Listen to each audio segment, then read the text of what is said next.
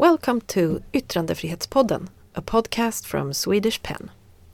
I am Kerstin Almegård, president of Swedish Pen, and this episode about Banned Books Week will be in English today because of our American guest Betsy Gomez from Banned Books Week Coalition. And the other two guests will be Hanna Nordell, Managing Director of Swedish Pen, and Jens Zingmark from the Dawit Isaak Library. Enjoy!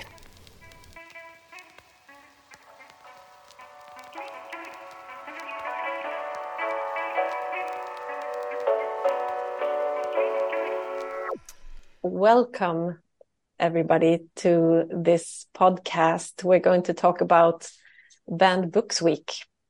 And uh, I would like to introduce our guests uh, today. We have Betsy Gomez from uh, well, maybe you should introduce yourself, Betsy. Hi, everyone. Uh, my name is Betsy Gomez. I'm the coordinator for the Banned Books Week Coalition, uh, which includes Banned Books Week Sweden. Uh, and we're a coalition of international organizations. Um, we're currently, I think, 21 organizations who work together to put on Banned Books Week every year. Great. Welcome, Betsy. And we have Jens Zingmark here with us from the Dawit Isaak Library. Hello. Who are you? Uh, yeah, my name is Jens Zingmark. I'm a librarian at the Dawit Isaak Library. And if you don't know about our library from before, we're a normal but not so normal uh, public library uh, where our sole focus is on collecting and making available banned books from all around the world. So for us, every week is Banned Books Week. Great. And also welcome to Hanna Nordell, uh, Managing Director at Swedish Pen. Welcome to you. Can you say something about uh, yourself and Swedish Pen? Yeah, thank you. Uh, Swedish Pen is um, a quite large uh, center within the Pen network. We have more than 1,000 members. We have a small office in Stockholm, and this this year we started Banned Books Week Sweden, and I think it's the first time actually we collaborated on a large scale with libraries and bookshops. Mm. So uh, I think Swedish Pen is in a very interesting moment in time, uh, mm. developing new strategies and trying to be in conversation uh, in more rooms than before. I would like to uh, give the word to you, Betsy. I'm very curious. How did it all start in in the USA? So, uh, Banned Books Week itself was started in 1982. Uh, so we've been we've been doing this for 41 years now. Uh, yeah. And it started because there was a spate of challenges in libraries, schools, and bookstores. Um, the American Library Association and the American Booksellers Association kind of came together and said, we need to have this week to let people know that censorship is happening, what books are being targeted. And it was designed to be kind of a public information campaign to just make people aware of, of what was happening, the scope of what was happening. Um, and, uh, it's stuck around, uh, over the years. And, you know, there have been times where we've been talking about censorship very heavily, and there have been times where it was really a pure celebration of the right to read. Um, mm. and we were able to talk about kind of the freedoms we have to select what we want, uh, to read, what our children want to read. Um, and you know over the last couple of years uh, it's gotten it's gotten pretty intense here in the united states in terms of censorship and so banned books week in a lot of regards is more essential than ever mm. uh, because we've seen record breaking censorship over the last two years here in the united states mm. yeah and we of course have heard a lot about that here in sweden we've been talking a lot about that um, we uh, had a visit from uh, the laureate, Alma laureate, Laurie Halse Anderson. She was here visiting uh, our book fair in Gothenburg a couple of uh, weeks ago. And uh, she is really an advocate for these, uh, these uh, questions and, and, and, matters. So, um, and I know that she's talking a lot with, with you guys have you been in contact with her about these uh, things? And what do you know about her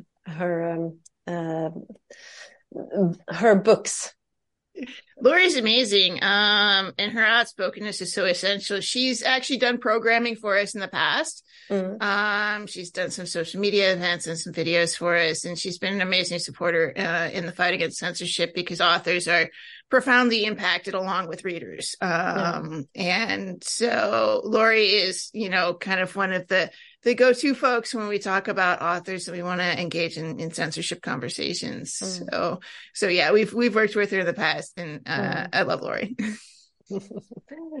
well, so what would you say are the the topics that are most, you know, uh, censored or banned in in uh, in the states right now, and and what what states are most affected or or what you call it um, how how would you describe the situation today so um, most of the materials being targeted uh, are uh, materials about lgbtq plus individuals or um, black indigenous and people of color.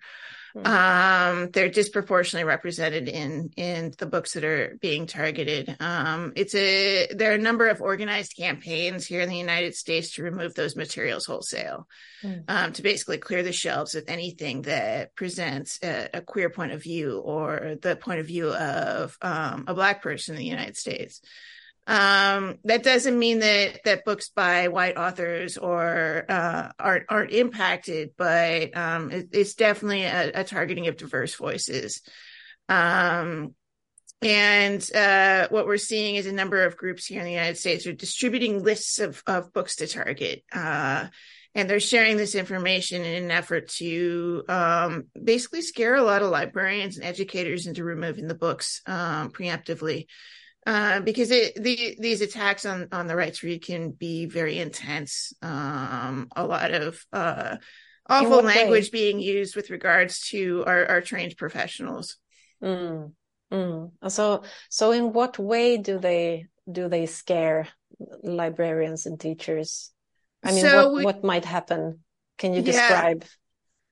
Yeah, in some parts of the United States, uh, there are laws uh, against particular types of content. Um, Florida is a notable example. You had asked about the states, and, and Florida yeah. has a, a, couple of laws on the book that restrict um, access to information um, about human sexuality. And the law is so broadly written that it's hard to, um, you know, it, it, they call the law the don't say gay bill um, and so it's difficult for educators to understand what they can or cannot have in the classroom.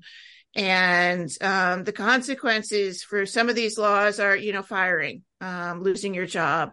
And there are a few laws that they're trying to pass that would actually criminalize um, the work of educators and teachers, such that, you know, just for doing their jobs, uh, they could face jail time. Wow. Uh, another type of law we're seeing is called a private right of action, where a private individual can sue an educator or a librarian if they think that they've uh, not done their job properly. Hmm. And so, you know, these laws are designed to intimidate. They are vaguely written for a reason, um, because, you know, if you don't, uh, if there aren't any clear guidelines, people tend to overreact because mm. they're concerned about their employment, they're concerned about um, jail time, they're concerned about fines. Um, and so what we're seeing is is just a lot of um, librarians and educators put into this tough position of being able to do their jobs mm. and do their jobs in a way that allows access to information. Mm. And we're also seeing impacts on booksellers as well, um, with laws like uh, HB 900 in Texas, the, the so-called Reader Act. Um, what does that mean? Uh, so the, the law in Texas um, sets up a system whereby uh, vendors, which would include booksellers, anybody who sells books to a school, has to label the material is either sexually relevant, which is just any mention of sex whatsoever, or sexually explicit. And their definition of sexually explicit is is very it's a very low bar, um, and it would probably mean the removal of things like Shakespeare and yeah. you know a lot of classic literature from classrooms because that bar is so low because if it's labeled sexually explicit it can't go anywhere near a school and it's also retroactive so if a vendor has sold books to a school previously all of those books need to be reviewed um, and so it's going to be a very difficult law to comply with and it is um, pretty clearly unconstitutional. Mm. Um, but you know, just because it's unconstitutional doesn't mean a law doesn't get passed, and it requires legal action to get those laws uh, struck down. Yeah. So who are working with these uh, against uh, these? Uh, I mean, what organizations uh, work to change this? Uh, do you collaborate with uh, others like American Pen, and or how? How yeah, there are actually work? there are a number of coalition efforts um, in place to work against these laws um, and uh, against the censorship that's happening in schools and libraries. Um, the American Library Association has been doing this work for decades. Um, and PEN America has been active in a couple of uh, lawsuits in uh, Florida and other areas. There's also the Freedom to Read Foundation, which is a, a sister organization to ALA. It's a separate organization, but um, they've uh, filed uh, lawsuits and uh, of the court briefs uh, in a number of locations. Texas, uh, notably one of them. Uh, and they were able to get a preliminary injunction on HB 900 on the Reader Act, which kept it from going into effect. But because of the legal system, um, that was actually overturned uh, on subsequent review. So they're still fighting it, um, and and the law is currently in effect. It's causing a lot of confusion, but there's a lot of hope based on how the judge responded to the law um, that it will be ultimately struck down. Mm. Okay. And that's just a few of the organizations. There, yeah. there are dozens, dozens yeah, of groups working on good. this. That's yeah. good. Um, I think uh, um, Hanna, do you do you recognize uh, these things that that Betsy are talking about? Yeah, thank you so much uh, for giving this uh, overview of the situation. Um, I uh, I was a bit curious just listening to you now, Betsy. Um, you were describing like the beginning of the Ban books week efforts in the in the 80s as being primarily information campaigns. Uh, what you would you say are like the main difference now 40 years later? What kind of actions is, are being taken like on a very concrete level? You know what's uh, i've been following your work uh, during the week that you arranged just now but um, you have uh, you have this uh, great overview of, the, the different initiatives that have been taking place so could you just give us some like uh, very hands-on example of what's going on so uh, this year we had our first ever day of action. Um, we uh, had Let Freedom Read Day on October 7th. Uh, we have not done a day of action in the past. Um, and in conversation with a number of different coalitions that are trying to um, fight censorship, it, it became very clear we needed to have like a very clear call to action. And so with Let Freedom Read Day, we created a list of just very discreet, um, often very easy to do things that people can do to engage with this conversation in their communities. You know, things like calling decision makers and politicians to let them know, hey, please don't ban our books. Um, to more involved things like writing letters to decision makers or letters to local newspapers um, and even letters to librarians and educators and authors to let them know that you support them. Um, it's it's not enough to just show that the censorship is happening anymore. We need people to do something about it. And so this year it was very much we flipped very much into that high gear. Um, hmm we um we secured a, an amazing pair of honorary chairs LeVar Burton um who uh, a lot of people in the United States, and I, I would hope the world know from reading Rainbow. Uh, you know, almost everyone that I know who does this work was influenced in some way by LeVar Burton and reading Rainbow. And um, and he's been an outspoken advocate against book bans for a while, and he helped us uh, signal boost for Let Freedom Read Day, and was just a really amazing spokesperson um, for the fight. Uh, and then um, uh, we also had a youth honorary chair, which is a program we started last year because so many of the censors are saying, "Hey, we need to protect the kids," and the kids are like, "Why don't you talk to us?" Um, because we don't need to be protected. These are books we like to read, uh, and if we don't like to read them, we're just not going to read them. and so we had uh, Da'Taeveyon uh, Daniels, who is a high school senior um, in his last year of uh, high school in Texas. Um, and he got to interview LeVar and did his own program on youth advocacy with other young people who have been uh, have been active in fighting censorship. Um, because uh, you know youth voices have been some of the most effective voices in stopping it. We've seen yeah. several cases where when students showed up uh, and protested and spoke at, at board meetings um, that uh, they reversed course and, and stopped censoring the books. Wow, that's that's really great to hear. And uh, Betsy, I think that uh, uh, as a finishing question from me before you need to leave, uh, or maybe I should let Jens in. Do you have any questions for for Betsy be before she she needs to leave? Uh, yeah, I was uh, reading a while ago about one of these newly erected laws. I can't remember which state where basically the law kind of backfired because someone like saw a loophole uh, or what you call it that because uh, the law was pertaining to like sexual content mm-hmm. and violence and so on. And someone said hey let's try if the bible uh, can pass through this. Uh, like what, what happened there? Uh, like and w- what was the reactions from the legislators uh, around that uh, yeah, that um, I suspect you're talking about a case in Utah, um, yeah. where the Bible was banned uh, because the the law in targeting sexual content. Um, it's interesting because a lot of the people leading this campaign, um, and I'm and uh, um, you know, don't have an issue with the Bible. Um, they're doing what you're supposed to do with a book is consider the entire book. Um, but you know, one of their tactics is to show up at school board meetings and read uh, what they consider as sexually explicit passages in the school board meetings. And so people have been showing up in meetings and reading passages from the Bible because there is a lot of violence and explicit content in the Bible when you get right down to it. And uh, and so it was notably banned in Utah. There have been a couple of locations where it's happened as well. And um, what a lot of people who are passing these laws fail to see is that censorship is a slippery slope. And while they might be trying to target content they don't like, that doesn't mean that the content they do like is exempt from the law.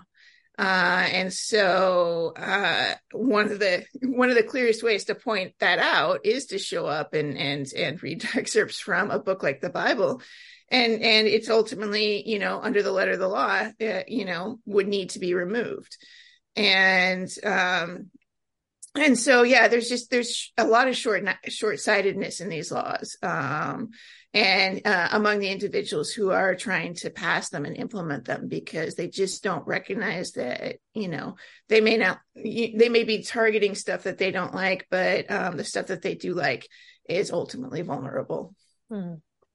And so, uh, as a as a last question for you, Betsy, before you need to leave, any any lessons from uh, from your last uh, latest uh, banned books week? Uh, how how was it overall? Would you say? Um, it was an amazing week. It was mm-hmm. it was so amazing, and I hope that y'all are having an amazing week as well. It was a uh, it was so great to see people engaging with direct action in a way we haven't really seen before um, and and sharing it online. Um, we you know he had a number of uh, television and movie stars doing videos but we also had just kind of organic content of individuals who are seeing this and are inspired to take action in their communities because it's quite clear that no one organization, no one individual can do this alone. Mm. Um, our libraries, our schools, and our bookstores need to be protected, and we need everyone to engage in that because the majority of the country doesn't support censorship. And right now, a very small number of people are dominating the conversation. Yeah. And I think what I saw during Banned Books Week is that starting to shift and I, I, I hope to continue the work to to to get more people out to say, hey, this is not good. We should not mm. be doing this. That's uh, really good news to hear, and congratulations to you. Thank you. It was a very busy week. yes, I can imagine. and uh, uh, soon, Hanna and Jens will talk about the Swedish version of, of Banned Books Week. Uh, I don't know if you have the possibility to stay around to to listen to to them telling about it, or if you need to leave, Betsy. What's it? Like, Unfortunately, I need to go. I have to yeah. get over to a conference. So yeah.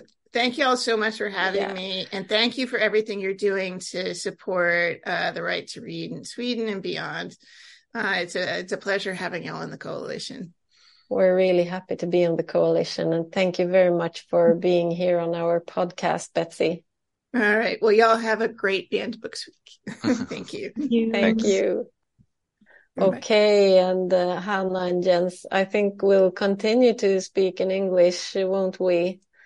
Uh, since we might have some uh, some international listeners to the, this podcast as well. So I was wondering, Jens, uh, do you recognize uh, what Betsy talks about uh, the the sensitive issues, LGBT?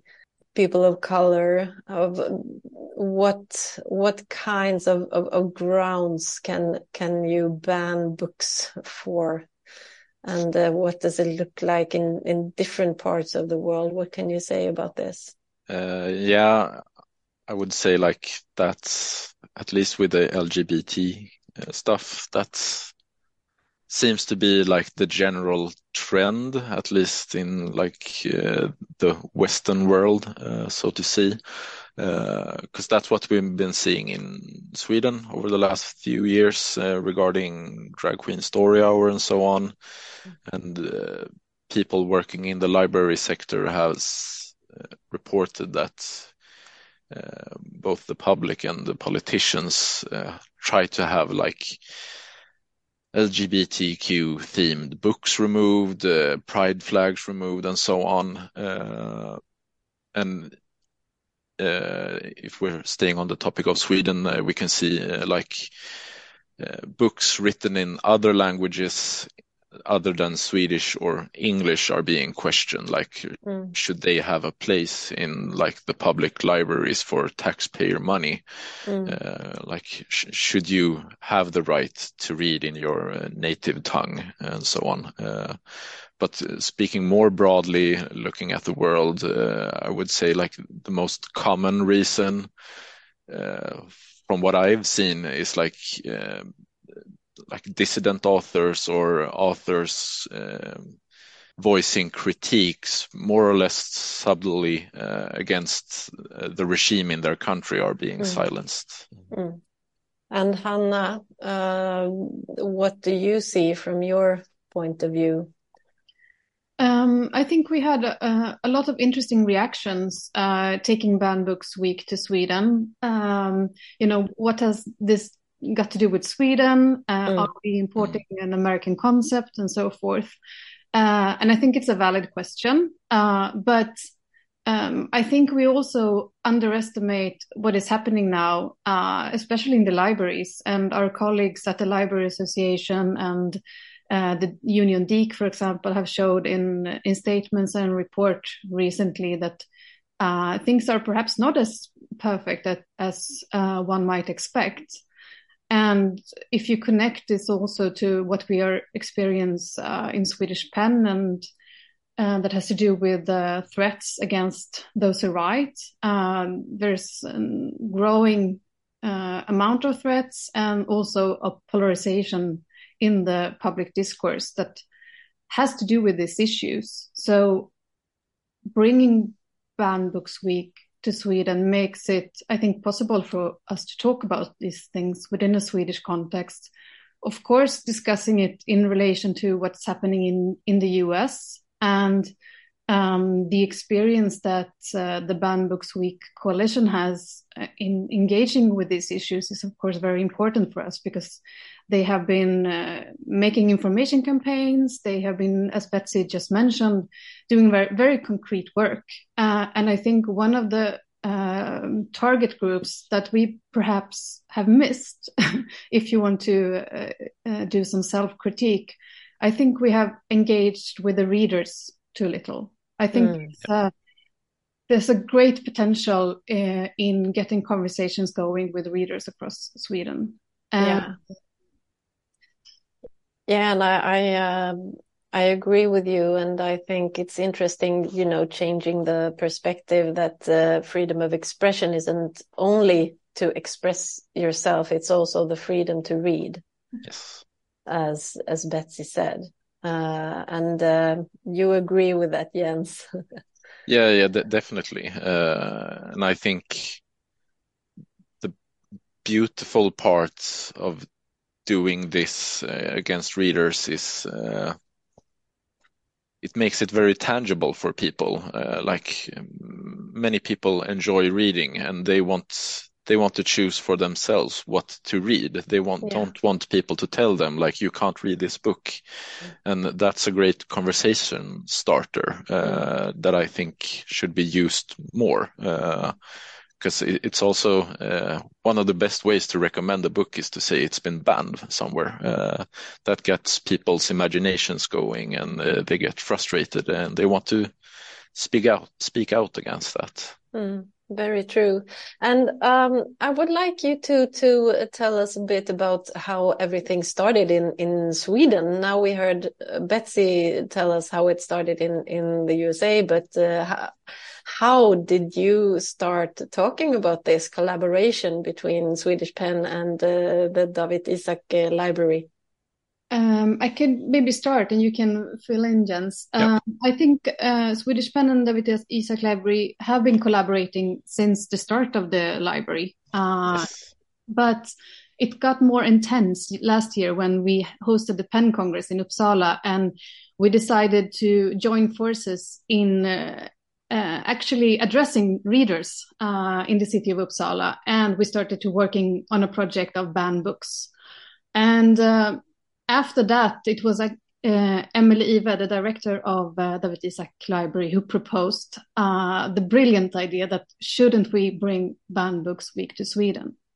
and that's that's the start of it. and one thing that I I want to highlight that has been very important for us this first year is that we wanted to have um, a more global reach. Uh, we wanted to learn from our colleagues in the US, uh, of course, using the great lists that they have been put together, but we also wanted to start working on a more international perspective that is uh, more in line with Swedish Pen and more in line with the Dawit Isaak Library work because we don't only look at banned books in the States. We think about what the situation is for freedom of expression in Turkey, in Belarus, in Hungary, and so forth.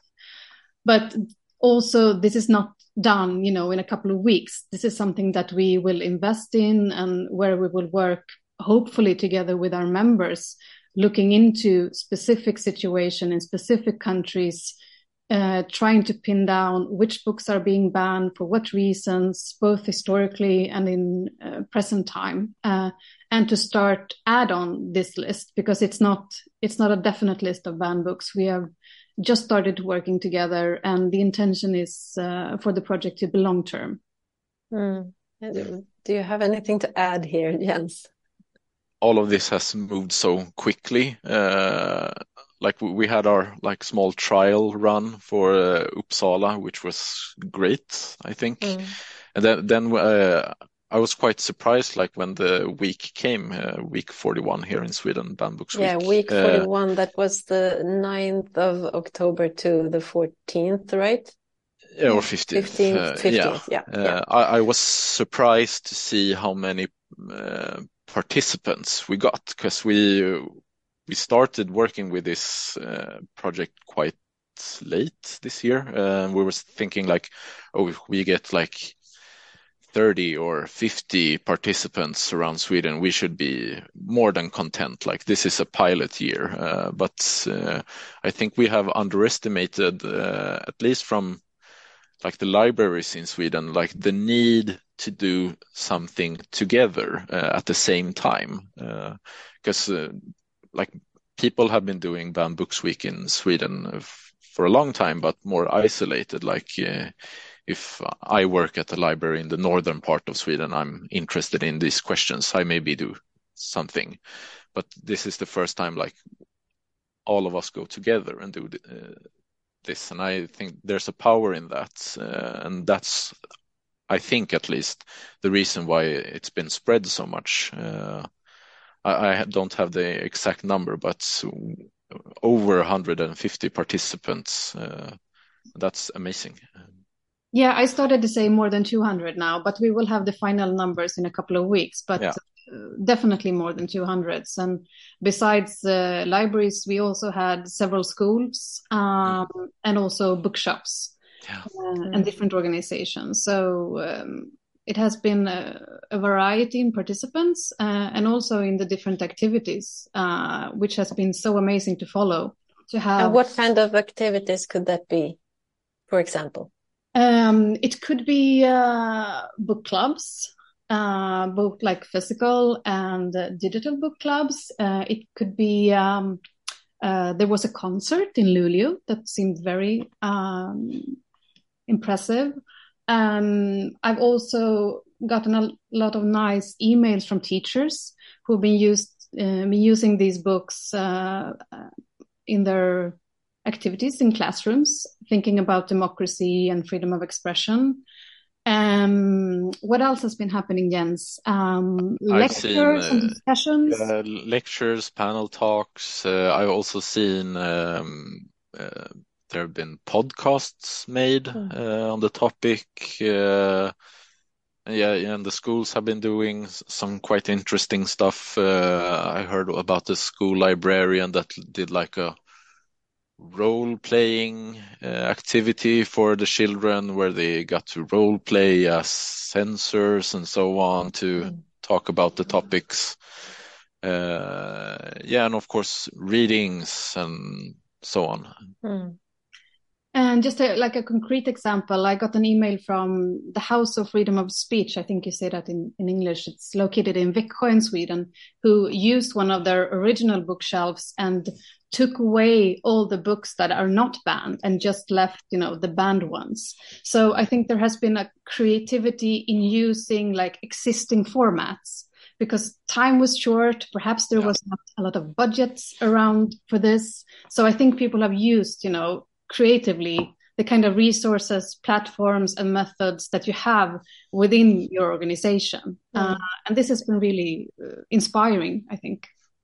Any conclusions, any uh, lessons learned from this first uh, weeks? Uh, what are your your feelings? Are you are you happy with the week? And uh, is there something that you want to do better? What do you think? Um, uh... we are all overwhelmed. I think. Yeah. That's happy is an understatement. So I'm mm. I'm overwhelmed uh, by the response. So we have a really great opportunity to to do something even better next year. And I think what we are leaning towards is, of course, uh, thinking even more on this international perspective. Mm -hmm also exploring how we can have a more kind of active toolkit for the classrooms. For example, how can we work together with the teachers and the students? What kind of feedback have you heard, Jens? A lot of the feedback that I have received is like, I need more books, more more books, like uh, people working specifically with maybe children's literature uh, that say, "Oh, uh, there are some very good examples, but I need more." Uh, mm. I, I, think that's a good thing, right? That yeah. the, that uh, there is a hunger for more information. Definitely, and I also think um, uh, looking at uh, what they do in the United States for Banned Books Week is maybe we should focus a bit more on like how to protect the freedom to read and write in Sweden, like mm could we provide toolkits for uh, librarians on how to protect the books that people mm. or politicians want removed and and how can we keep track of uh, all the attempts being made to persuade librarians or uh, bookshop keepers to remove uh, mm. materials. Yeah, and maybe this can be a message for for the listeners of of this uh, podcasts. If there are any librarians or uh, bookshop uh, owners or workers uh, or teachers working with these uh, these matters regarding free speech or want to participate, please let us know. Yes. Right. Yeah. What has been uh, obvious is something that we perhaps knew in the beginning uh, is that these uh, rooms where the discussions are taking place, they are very different. Uh, so if uh, we want to make a material or think about uh, this from a national perspective, it we need to be very attentive to the different contexts and um, just starting this network and being in conversation, I think that's a very good starting point because we don't have the all the answers uh, yet. Mm. So I think um, in in the when we talk about with our colleagues in Banned Books Week Coalition, they have been starting talking about Banned Books Month or year because it, the work is so intense. And I, even though it's uh, we are not as, at the same level in Sweden, I think it's interesting to think about how we can be in conversation throughout the year until next year uh, to make sure uh, that we have the best possible uh, context for these conversations to happen. And I think there are many tend to think that this is something that happens elsewhere, uh, but uh, the more you dig into it, I think the more complex it gets.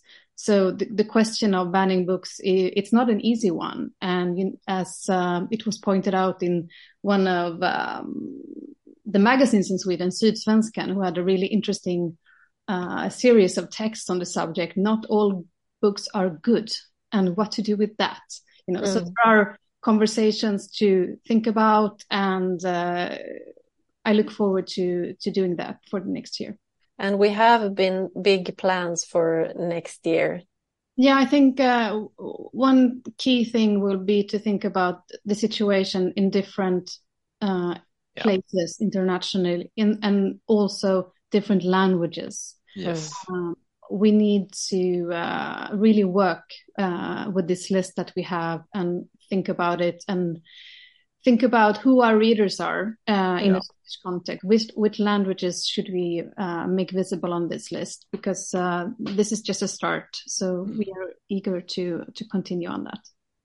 And maybe we should start think about maybe different themes to highlight a bit more, and uh, maybe there's a need to uh, highlight children's literature a bit extra. Yeah. Mm perhaps yeah. uh, reach out to us. Uh, yes, please. Mm-hmm. Ideas. Uh, mm.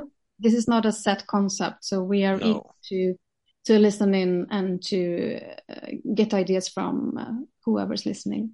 Yeah, that's that's great. So. Uh, uh, there is always a possibility to contact Swedish Pen or Dawit Isaak Library and with good ideas around Banned Books Week, which will happen in October, uh, around October next year as well. And perhaps until then, a recommendation. Uh, first of all, uh, check out the hashtag Banned Books Week Sverige, uh, which is an amazing resource of everything that has been happening uh, this first week in Sweden. So just uh, check it out for inspiration and then read a book from. Yeah. and I, I, also want to say a big like thank you to uh, all the participants uh, during this week. It's been so amazing to see what everyone has been doing and all the creativity and all the good ideas uh, that people have been uh, expressing. So mm. very grateful for that. I completely agree with you. It's been really impressive to to follow the the hashtag and see the the enormous creativity. It's uh, yeah, it's impressive is is an understatement. Okay, so uh, we'll wrap this up, I guess, then. Thank you very much, Hanna Nordell and Jens Zingmark. Thank you for participating in, in Yttrandefrihetspodden.